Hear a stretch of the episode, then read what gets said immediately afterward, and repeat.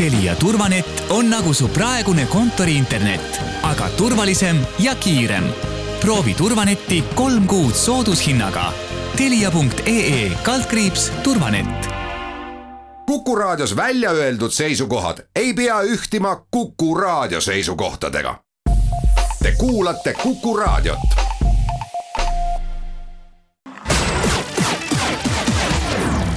nädala Tegija. Nädala Tegija alustab ja eile saime kõik teada, et ajalehel Postimees on, võib vist öelda, taaskord uus peatoimetaja. ja tere tulemast, Mart Jaavik, ajalehe Postimees uus peatoimetaja.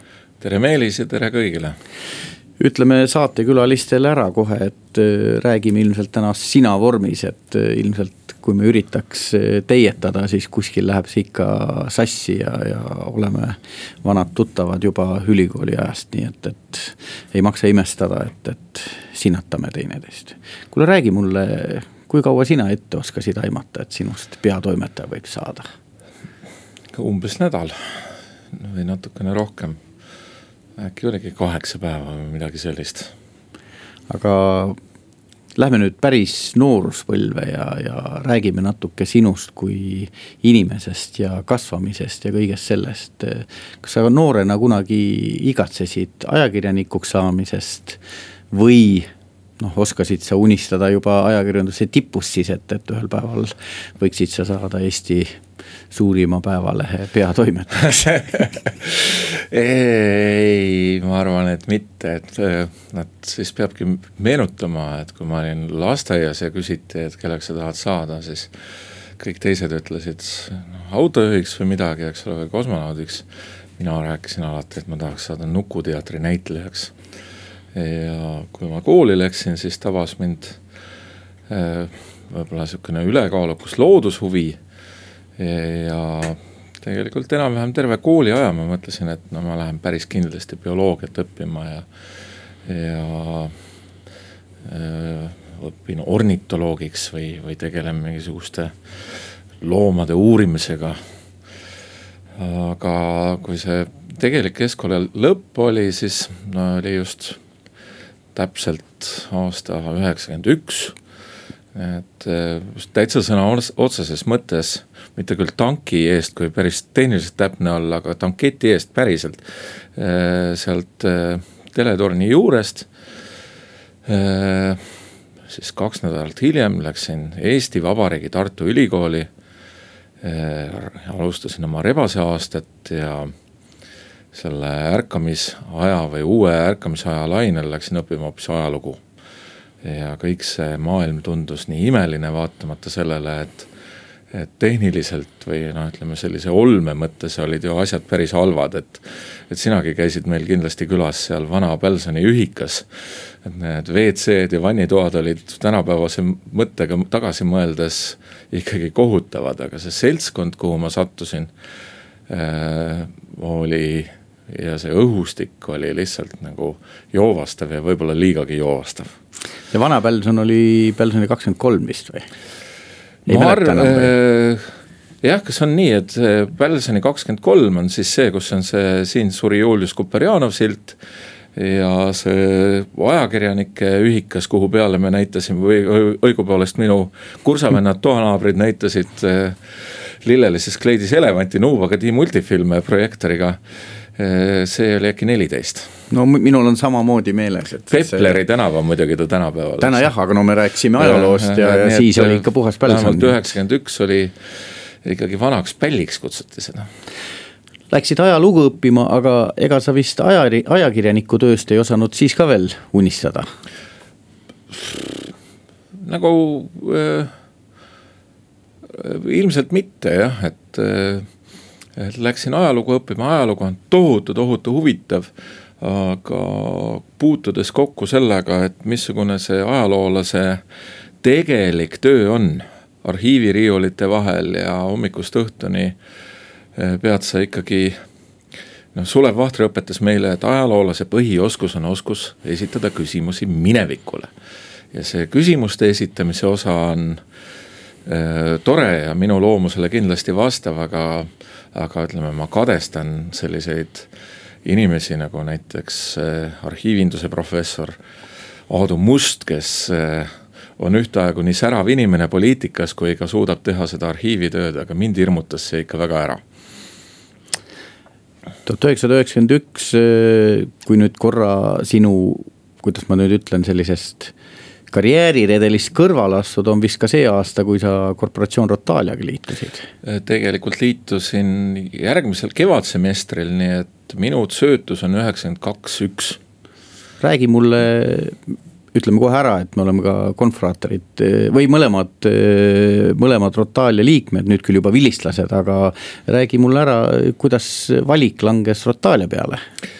see oli, vaat kui üliõpilane läheb, puutub kokku selle äh, akadeemiliste organisatsioonide maailmaga, siis on ju külalisõhtud, eks ole, aga ma teen sellise kõrvalepõike, et tänu loetule, kus noh, paljud kirjanikud olid näiteks üliõpilasselts Veljestas ja nemad lausa patoloogiliselt vihkasid üliõpilaskorporatsioone ja kirja, Eesti kirjanduses on ju korporantide kohta igasugust häbematut valet nii palju, et et seda kõike ei jõua ümber lükata ja minu siis kirjandushuvilise keskkoolipoisi ettekujutus oli see, et eh, korporandid on niisugused tegelased, kes eh, soolaheeringat kaminas rapiiri otsas siis küpsetavad ja tegelevad ainult eh, nõmedustega. aga minu hea ühikakaaslane, kellega me kogu aeg koos bridži mängisime ja keda sina ka väga hästi tunned, on ka meie kaasvilistlane ja tema lihtsalt mainis, et meil on külalisõhtu ja siis ma läksin sinna Rotalia majja ja uhkesse Tartu koju Eh, Tähe tänaval eh, ja seal tegutses veel ülikooli klubi ja päris peremehed olid siis ühte tuppa surutud, kus meil on praegu väga korralik ja uhke raamatukogu ja mida me oleme siin ka ühiste rahaliste toetustega ja nii edasi loonud üliõpilastele selliseks õppimiskeskuseks. Imelik on mõeldagi, et kogu tegevus oli seal ühes ruumis, seal olid eh, koos niisugused ägedad vennad ja ja niisugused Eesti-aegsed vilistlased äh,. Roman Niidu ja Leopold Ranna ja see nimekiri on veel pikem. et mida ma, meie mehed kindlasti teavad ja sattusin rääkima Leopold Rannaga ja see vestlus ja see huumor ja niisugune tõeline Eesti-aegse härrasmehe vurf, mis sealt vastu vaatas, see oli tegelikult see, mis mulle ütles, et ma tulen siia. Kuule, ma ei tea, kas nii tohib küsida, aga vanasti räägiti, et EÜS juhib Eesti riiki ja nüüd huumoriga eile saadet tehes kaalusin kahe tähtsa inimese vahel ja, ja mis seal salata, teine oli peaprokurör ja, ja mõtlesin, et, et kaks kandidaati ja nagu sellist kamraadlikku lähenemist teha ei saagi, et mõlemad on rotaallused, et, et kas võib olla, et Rotaalia nüüd hakkab Eestis Vaata, eh, viiulit kõvemini tõmbama. kadunud kaasvilistlane Henno Sillaste, tuntud arhitekt. ja tema oli üks, eh, ma arvan, meid kõiki palju mõjutanud eh, inimene, niisugune särav persoon. arhitekt Kanadast. ja just väga tõsine Eesti mees ja, ja oma säravate mõtete ja ideedega lendas nagu komeet ringi. ja Henno ütles väga hästi selle eh, korpide ja seltside nagu eh, onupoja poliitika kohta. ja ma nüüd, pange hästi tähele, mida see meie jaoks tähendab ja mina mõtlen seda täiesti südamest, nagu Henno seda ütles.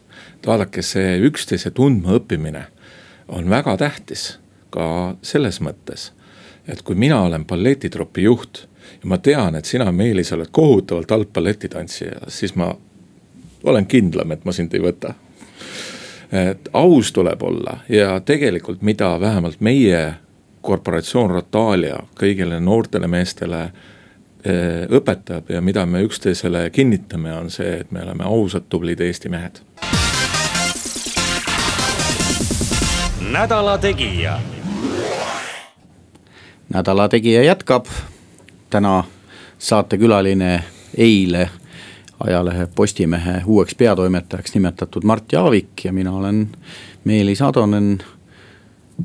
räägime nüüd tagasi sinu kujunemisest ajakirjanikuks ja, ja, ja noh, saamisest ka siis kaudselt peatoimetajaks, et Tartus õppisid ajalugu. Kuidas siis aja, ajaloolaseks saamine läks? ajaloolaseks saamine ei läinud väga hästi, et, et, et kuidagi see niisugune tung ja ja huvi selle vastu kadus ja muu elu ja pere ja raha teenimine tuli peale, nii et, et aga muidugi on see mind mõjutanud, need inimesed ja loetud raamatud ja, ja mingisugune ajaloo, ajaloolastele omane põhiline struktuur ja kahtlemata ka väärtushinnangud, et, et näiteks ajaloolastel on see, kui ma õigesti tean, siis lausa Saksa talurahvasõjast peale olnud laul Me mõtted on priid. siis väidetavalt viissada aastat vanad ja ajaloolastel olevat olnud siis ränkrasketel okupatsiooniaegadel selline komme, et kui oli mõni ajaloolaste pidu ja kõnniti eh, sealt Vanemuise mäest üles eh, või noh, kunagi Eesti-aegsest Aia tänavast üles eh, oma päl-, vana pälli poole, siis KGB maja ees lauldi seda Me mõtted on priid. et ma arvan, et see oli midagi, mis ka mind sinnapoole meelitas, nagu see niisugune selge vabaduse ja, ja ka mõttevabaduse eh, manifestatsioon. Ja see on kuidagi mul hinges siiamaani. ja siis ma töötasin mitmesugustes äriettevõtetes. et eh, midagi väga, väga säravat ei ole siin nagu esile tuua, et miljonäriks ei saanud. ja aga ja siis läksin õppima veel vanu higi, psühholoogiat. Ja see on mind ka päris palju mõjutanud, et, et ka nüüd, kui nagu takkajärgi mõelda, siis eh, selliste eh, inimeste kaudu ja eri, teistsuguse distsipliini eh, mõtteviiside kaudu, noh üks näide, et juba esimesel päeval seal psühholoogia stuudiumi käigus ma kuulsin, et, et professor ütleb, et aga ma ei tea vastust sellele küsimusele. Ja sealt edasi ka variant, et aga üleüldse meil inimestena või inimkonnana, teadlaskonnana puudub vastus sellele või teisele küsimusele. on mingid hüpoteesid, humanitaarilt sa tavaliselt seda vastust ei kuule, mitte tavaliselt, vaid ei kuule mitte kunagi, aga ma ei tea. mingisugune versioon ikkagi tuleb. aga distsipliinides, kus on rangus ja teaduslik meetod mängus eh, tuleb see arusaamine, et see nii on et äh, ma arvan, et äh, selles mõttes noh, siin loetleda võiks äh, väga paljusid, aga, aga kuigi ka nüüd seal, eks ole, mingisugune püsimatus ei, ei lasknud mul seda rada teab mis kaugele kõndida, aga või nagu päris sellise doktorikraadini ja, ja teadlase karjäärini, aga Jaanus Harro loengud või Jüri Allikuga äh, suhtlemine, et need on jätnud väga selge jälje, et, et sa tead midagi, tead, tead mida, mingisuguseid põhiasju ja. ja ma arvan, et see ongi tähtis ja seal psühholoogia stuudiumis on ju ka teadusmetodo-, tegelikult psühholoogid õpivadki suurel määral teadusmetodoloogiat, suure osa oma stuudiumist. nii et mis seal ikka, eks ole, et see on. kas võib öelda, et ajakirjaniku kutse sa leidsid kaks tuhat kaheksa, kui. täiesti no pooljuhuslikult. et ma olin võtnud sellise teise lapsepõlve, et selle psühholoogiaga tegeleda ja. ja siis mõtlesin, et kaks tuhat kaheksa alguses, et need nagu märgid on, niisugused makromärgid on ikkagi nii halvad, et. et praegu kuskile mingisse valdkonda trügiks ainult noh, hullumeelne ja see oli nagu selline lõhk-, mulli lõhkemise eelne situatsioon. ja kui täiesti siiralt rääkides, ma mõtlesin, et, et inimesel peab olema mingisugune sihipärane tegevus. ja mõtlesin umbes niimoodi, et kui ma läheks, koputaks Postimehe majandustoimetuse uksele ja ütleks, et ma tahaks kirjutada siin majandusteemalisi lugusid ja vot see oleks selline hea variant kasutada ära Äh, päev läbi tegelen äh, lugemise ja selle vahendamisega ja siis kasutan ära neid kogutud teadmisi noh, näiteks portfelli investeeringute kohta otsuste tegemisel või muu sellise nagu investeerimistegevuse mõttes umbes selline oli plaan ja mõtlesin, et ma olen lühikest aega seal, noh näiteks äh, aasta-poolteist äh, midagi nagu selle majandustsükli mõttes. Aga kuidagimoodi see tegevus ja see selline, et sa tegeled viie kuni kümne asjaga päevas, et sa äh, haarad äh, äh, erinevaid teemasid. see nii köitis mind, see tegevus ise et kuigi need eh, noh, mis seal salata, eks ole, et eh, olin ka enne harjunud natukene teistsuguste palkadega kui see, mida siis mul õnnestus eh, välja kaubelda ja peatoimetaja veel peaaegu et nuttis, eks ole, ja, ja tuli jutt, et et ta olla minust valesti aru saanud ja siis ma andsin personaliosakonnale natukene alla, et olgu, võtame siis tuhat krooni maha. aga aga kuidagi see tegevus niimoodi mind köitis ja siis me, Neeme Korv kutsus mind arvamustoimetusse. Ja, ja see arvamustoimetuse töö oli veel omamoodi nagu huvitav, et võib-olla üks paremaid töökohti, ma ei tea, kuidas minu praegused kolleegid või, või kaastöötajad siin samas kohas vaatavad, aga. aga mina ise mõtlesin, et see on küll üks tõenäoliselt Eesti kõige parem töökoht mõtle, sa saad iga, sa oled sunnitud praktiliselt iga päev või üle päeva tegelema mingisuguse aktuaalse teemaga niimoodi, et. Et isegi kui on tegemist nimetu juhtkirjaga. aga mina võtsin seda kõike väga tõsiselt, et, et see on nagu veider, et mul oli palju raskem kirjutada neid juhtkirju nagu hingeliselt ka. kui eh, mingisugust nimelist teksti et muidugi see nii ei ole, et Eesti rahvas ärkab hommikul üles, loeb ajalehe juhtkirja ja siis elab selle järgi. ma võtsin seda kuni lõpuni väga tõsiselt ja ma arvutasin kaks tuhat üheksateist, enam-vähem kaks aastat tagasi, siis eh, kui mind siit ära aeti kokku, et ma kirjutasin äkki kaheksasada kuni tuhat juhtkirja ja see tegelikult tähendas ju nagu, nagu põhjalikku seminari igal õhtul äh, Eesti erinevate erialade tip, tippudega. noh, mis sa hing veel tahad? sa ütlesid, et aeti ära, et äh, ma oleks küsinud delikaatsemalt, et äh, mis juhtus?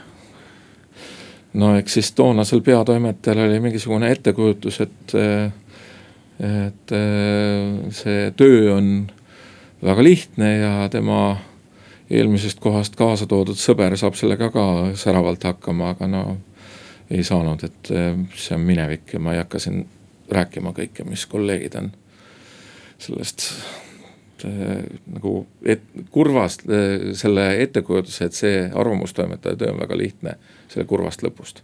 arvamustoimetaja töö ei ole lihtne, ta võib Muidugi olla meeldiv, ma saan sinust aru, et see võib köita. ta ei olnud isegi meeldiv, aga ta oli niivõrd köitev no köitev ja ikkagi ja, see on nagu ja, selline, kas see on umbes nii nagu noh, sa ei ole sporti niimoodi teinud, aga et, et sportlane piitsutab ja siis on see ja. teatud edu ja see ja, nälg ja see ja. kõik kokku, et sul ja. on raske küll, aga samal ajal mingi asi. midagi ja, sellist. ja kui lõpuks on leht valmis ja, ja sinu panus on Just. seal sees, siis on. ja kui sa juhuslikult ka, no minul on alati, kui ma olen mingi kirjatüki valmis saanud, siis no e, kirjutades on ju mingi fantaasia. mingi nagu ettekujutus ja palju mõtteid, kuidas see võiks olla. mul on praktiliselt alati päris paha tunne, kui ma olen lõpetanud, aga hiljem loed, pole vigagi. nädala Tegija. nädala Tegija jätkab saates külas värske Postimehe peatoimetaja Mart Jaavik. mina olen Meelis Atonen ja räägime Martiga tema kujunemisest peatoimetajaks ja, ja, ka esimese saate pooltunni lõpus jõudsime juba ka ajakirjandusse sattumisest või sellest olemisest ja selle valudest rääkida. vahepeal sa töötasid Teaduste Akadeemias, aga sa tegid seal ka sellist, kuidas ma ütlen ma nüüd räägin korporatsioonikaaslasena kõrvaltvaataja hinnangut, aga mulle tundub, et sa olid seal ka selline poolenisti nagu publitsistikaga tegelev või, või noh, nagu poolajakirjanik, kui nii võib öelda no poolenisti jah, et kolleeg Taavi Minnik, kellega koos meid siis siit äh, korraks äh, minema aeti. kaks aastat tagasi, enam-vähem samal ajal tuli minuga koos sinna, tema tegeles rohkem siis nende avalike suhete asjadega ja mina seal üht-teist, ma ei oskagi öelda, administre-, administreerimise või no millegi selle sarnasega, et, et et, et mingisugune väike käejälg seal on. ja sain olla ka sisuliselt paar nädalat Teaduste Akadeemia kirjastuse direktor lisaülesandena kuni siis Postimehesse tagasikutsumiseni, nii et formaalselt vist olin isegi pikemalt, aga, aga sisuliselt pa-, mõned, äkki kuu. nii et äh, see on ka üks omamoodi huvitav nähtus, et Eestis äh, jätkatakse teadusajakirjade väljaandmist kõrgel tasemel ja see asi läheb väga hästi edasi ma ei tea, küsin äkki kohe ära, aga sult on vist juba küsitud seda, aga Tarmo Soomere juures Teaduste Akadeemias töötasid. Eesti otsib praegu presidenti, et Tarmo Soomere on ka kandidaadiks pakutud. Mis sina arvad, selline noh, kuidas ma ütlen, erakondadest väljapool olev inimene, kas Eestile, ärme võib-olla isegi persooni lähe, aga, aga esialgu vähemalt, aga. et kas selline väljapool erakondi olev inimene võiks olla presidendina Eestile kasulik? ma jõuan selle küsimuseni ka, aga, aga ma ütlen kohe ära, et et täitsa selge on, et inimese ja sõbrana mul oleks väga hea meel, kui selline erakordne inimene saakski Eesti Vabariigi presidendiks ja ka eks me, ma ütlen seda muuhulgas sellepärast, et oma töös ja meie toimetuse töös loomulikult me vaatame seda mitte see, et kes mulle meeldib, vaid mis on realistlik ja usutav. Äh, mis ma jälginud olen, on see, et eelmise korra ehmatus on poliitikutel väga sees. Et olen kuulnud, et noh, ikka peaks olema selline poliitika Äh, tegelane, et oleks äh, selline nagu kõhutunne, et mismoodi siis poliitikas asjad käivad ja ma olen aru saanud, noh, sina oled ju olnud pikalt parlamendis ja valitsuses ka, kas ühe või mitu satsi, ma enam ei mäleta. valitsuses olin ühe korra. et. Riigikogus olin kolm, kolm korda valitud. et noh, kui kõik räägivad, võib-olla sina ka, et, et ju siis ikka see seestpoolt vorstivabriku nägemine on teistmoodi kui kõrvalt targutada ja et peab seda tundma, ma ei oska öelda, et et mina kodanikuna mõtlen, et väga tore oleks, kui me leiaks sellise ühendava, ühendava kandidaadi. loomulikult ta peab riigi toimimist tundma ja poliitikat, aga midagi sellist, mis annaks, annaks nagu juurde ja mul on pähe tulnud ka mõningaid selliseid poliitikuid, kes, keda üldse ei ole mainitud, aga keda minu meelest erakonnad võiksid mõelda, ma ei tea, kas ma hakkan oma fantaasiaid välja ütlema. no aga ole hea äh,. olgu, ütlen esimest korda välja siis selle, et ja ma ei ole, kusjuures selle inimesega ma pole üldse rääkinud, aga ma ei tea, kas see on realistlik või midagi, aga. aga kui mõelda nii, et see kandidaat peaks sobima Reformierakonnale äh,. See kandidaat tõenäoliselt võiks tulla Keskerakonna hulgast või vähemalt Keskerakonnale selgelt sobida ja ta peaks sobima ka teistele, et aga miks mitte, kas te olete mõelnud Aadu Musta peale? pikalt poliitikas olnud, Tartus koalitsioonis koos Reformierakonnaga, kõik tunnevad teda. Äh, tippintellektuaal. Äh, võib-olla mitte, eks ole, välisministeeriumi kogemusega, kahtlemata rahvusvahelise suhtlemise kogemusega. Inimene tunneb riigi asju, ma ei ole kuulnud, et keegi oleks nimetanud. võib-olla ta ise ei taha, ma ei tea, aga ja eks neid äh, mõeldavaid tegelasi tegelikult seal poliitikas on ju veel, et, et meil on äh, niisugune rahvalik ettekujutus, et, et me valime neid inimesi. noh, tuleb uus partei ja vot siis nad on väga toredad, aga niipea kui nad riigikogus maanduvad, siis on tegemist kõige suuremate lurjuste ja idiootidega.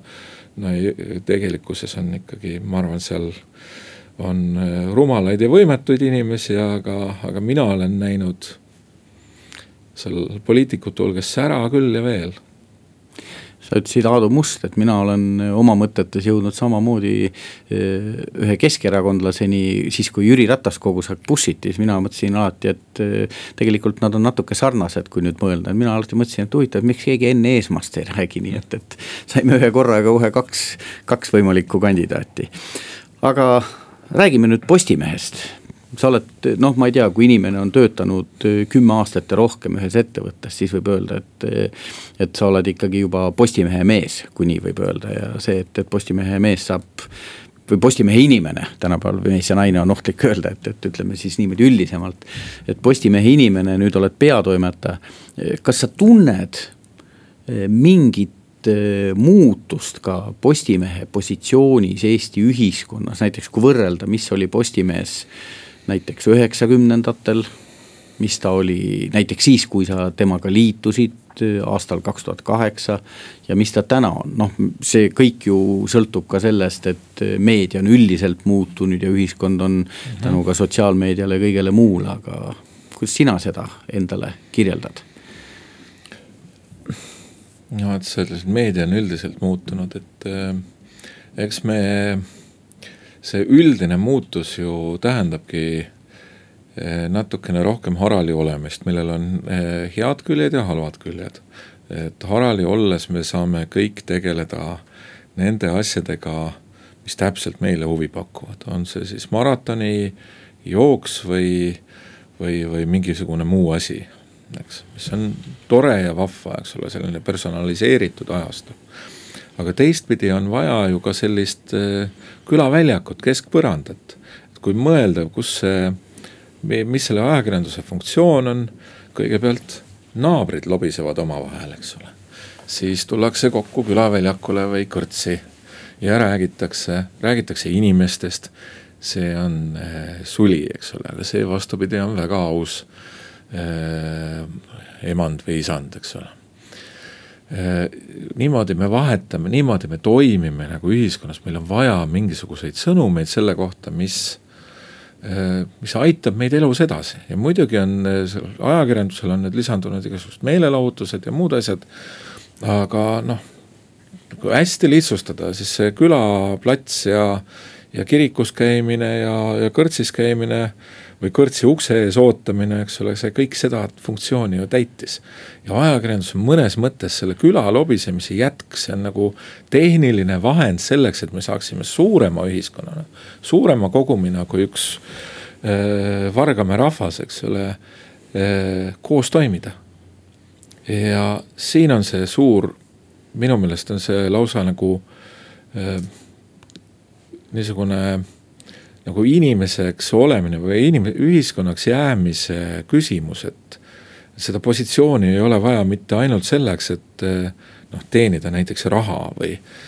või, või et siin ajakirjanikel oleks töökoht, seda positsiooni on vaja selle sisulise vajaliku funktsiooni pärast, mida me täidame. ja ma usun, et see positsioon, noh, eks me siis nuputame kogu aeg, et, et missugune see positsioon peab olema kui sa küsid nagu selle kohta, et mida me tahame saavutada. Äh, siis ma arvan, et juba enne mind on joonistunud Postimehest välja mõned jooned, noh kindlasti kõik on tähele pannud, et Postimees tegeleb looduskaitse küsimustega hästi palju. Äh, mõne meelest aeg-ajalt liiga kurjalt.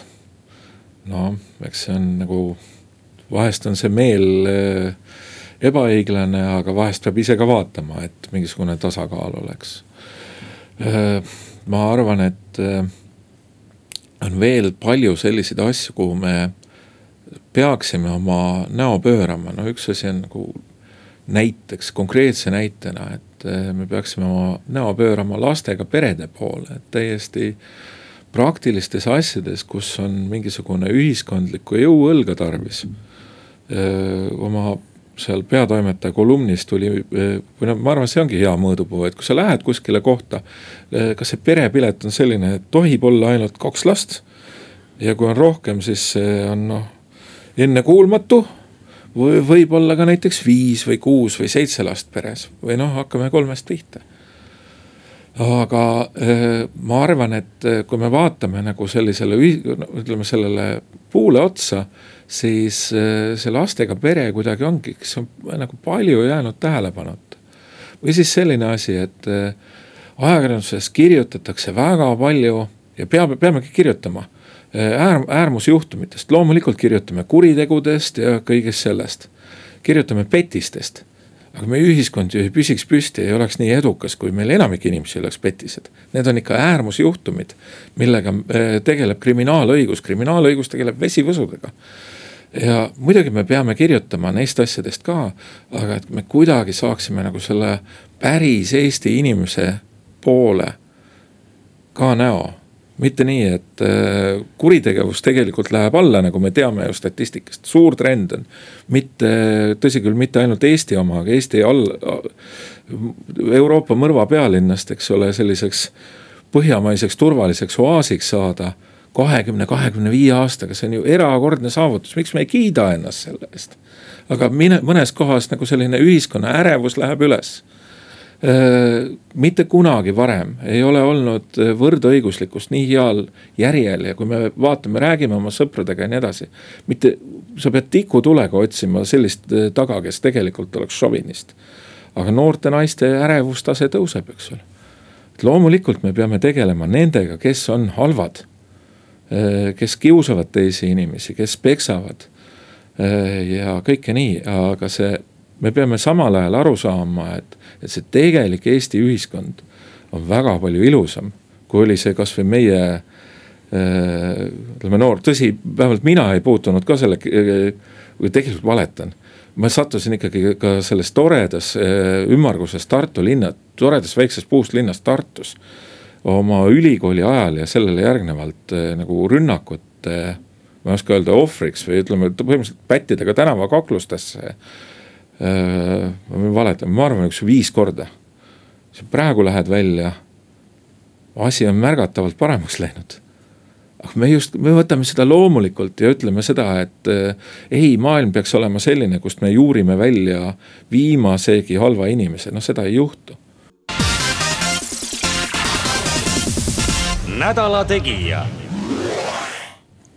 nädala Tegija jätkab saates uus Postimehe peatoimetaja Mart Jaavik, mina olen Meelis Atonen, lehelugeja. selle eelmise monoloogi jätkuks, mis meil oli eelmise veerandi lõpus.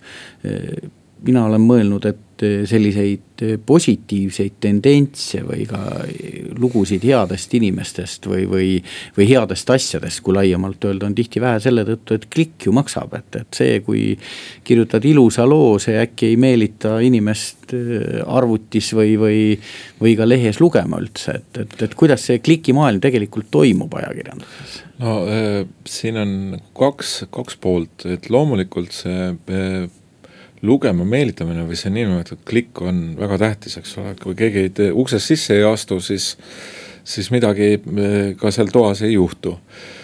Eh, aga juba tükk aega eh, mõõdetakse teisi asju ka, mis minu meelest on vähemalt olemuslikult peaksid suunama ajakirjandust ja ajakirjanduslikku sisu siis kvaliteedi ja lugeja hoidmise poole täiesti noh, ilmselge, eks ole, aga vist siis ei olnud varem no mingisuguses minevikus, mida ma täpselt aastat ei oska öelda, nagu tehnilisi vahendeid, et seda mõista või mõõta, et äh, kui kaua inimene seal loos on. no vot ja kui see on tõesti huvitav ja köitev ja nii edasi, inimene veedab seal loo, seda lugu lugedes pikalt aega ja ja, ja selles keskkonnas veel edasi, siis eh, see on ju midagi, mis siis poole sellest eh, meie kulutatud ressursist maksab kinni mitte lugeja, vaid reklaamiandja. nii et eh, see, mida sa mõõdad, seda sa saad ja, ja ma arvan, et see niisugune isegi matemaatiliselt täiesti umbluu asi, mida siin vahepeal räägiti, et inimesed tahavad ainult lühemaid ja lühemaid, eks ole, ja siis kui sa hakkad mõõtma, et mida nad siis tegelikult loevad ja teed lugusid kogu aeg lühemaks, siis sa noh, lõpuks eh, ei jää sul ühtegi tähte järgi sinna, eks ole. Eh, ma loodan, et sellest jutust saadi aru, et, et tegelikult pikk jutt, aga, aga lühidalt raske seletada. et, et, et jah, eks ta on niisugune raske asi, raske asi on, eks ole, et igaüks ju võib välja otsida või guugeldada, mis need uudisväärtused siis on. Äh, et ka teadlastele õpetatakse ju seda, et äh, kirjutada on mõtet seda, mida avaldatakse ja avaldada on mõtet seda, mida loetakse. eks.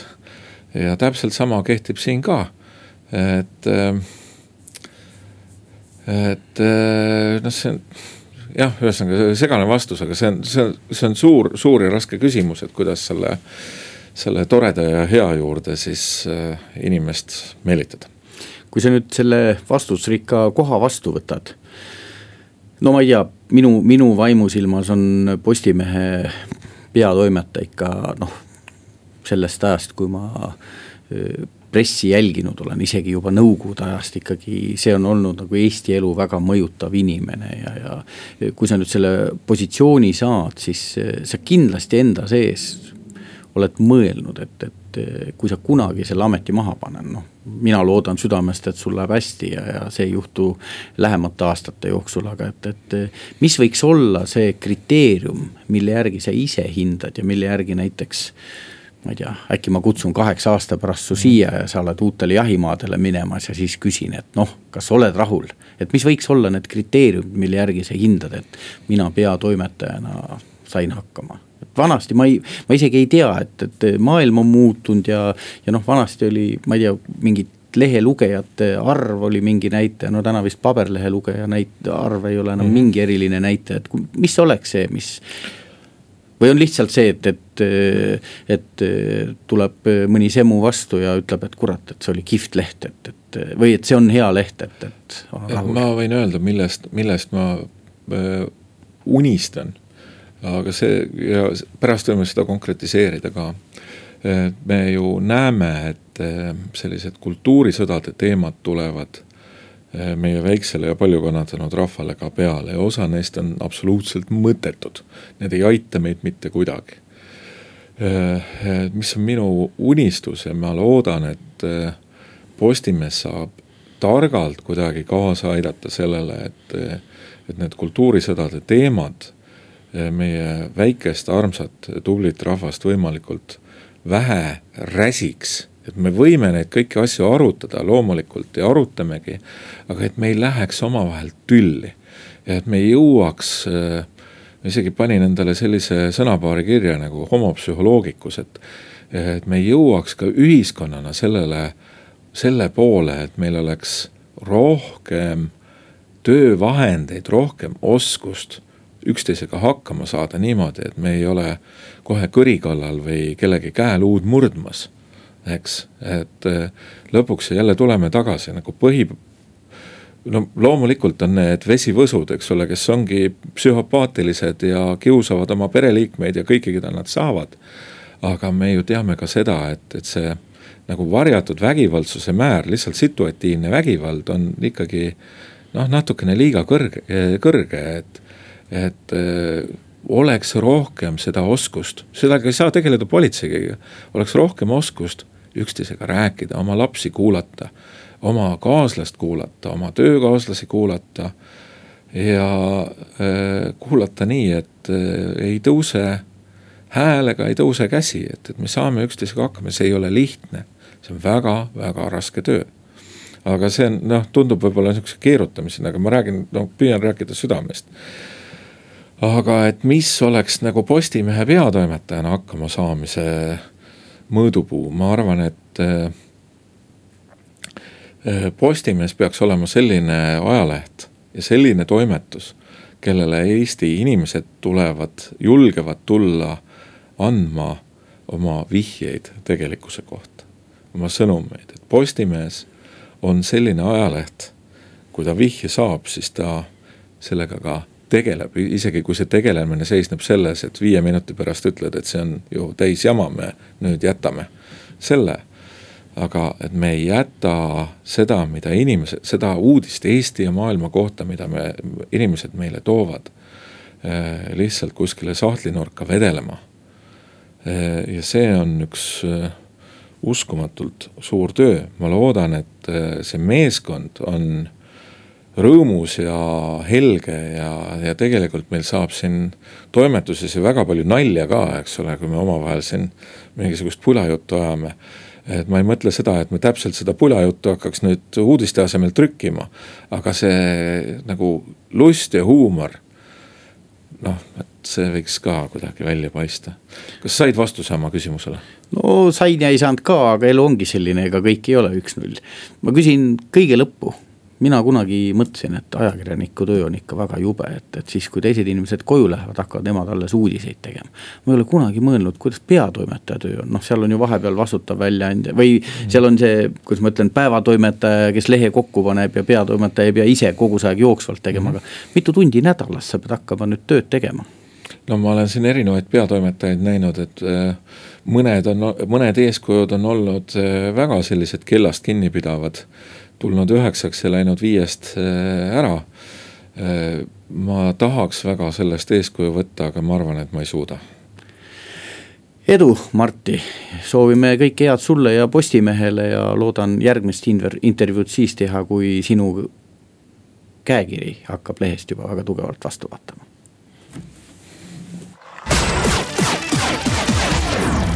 nädala Tegija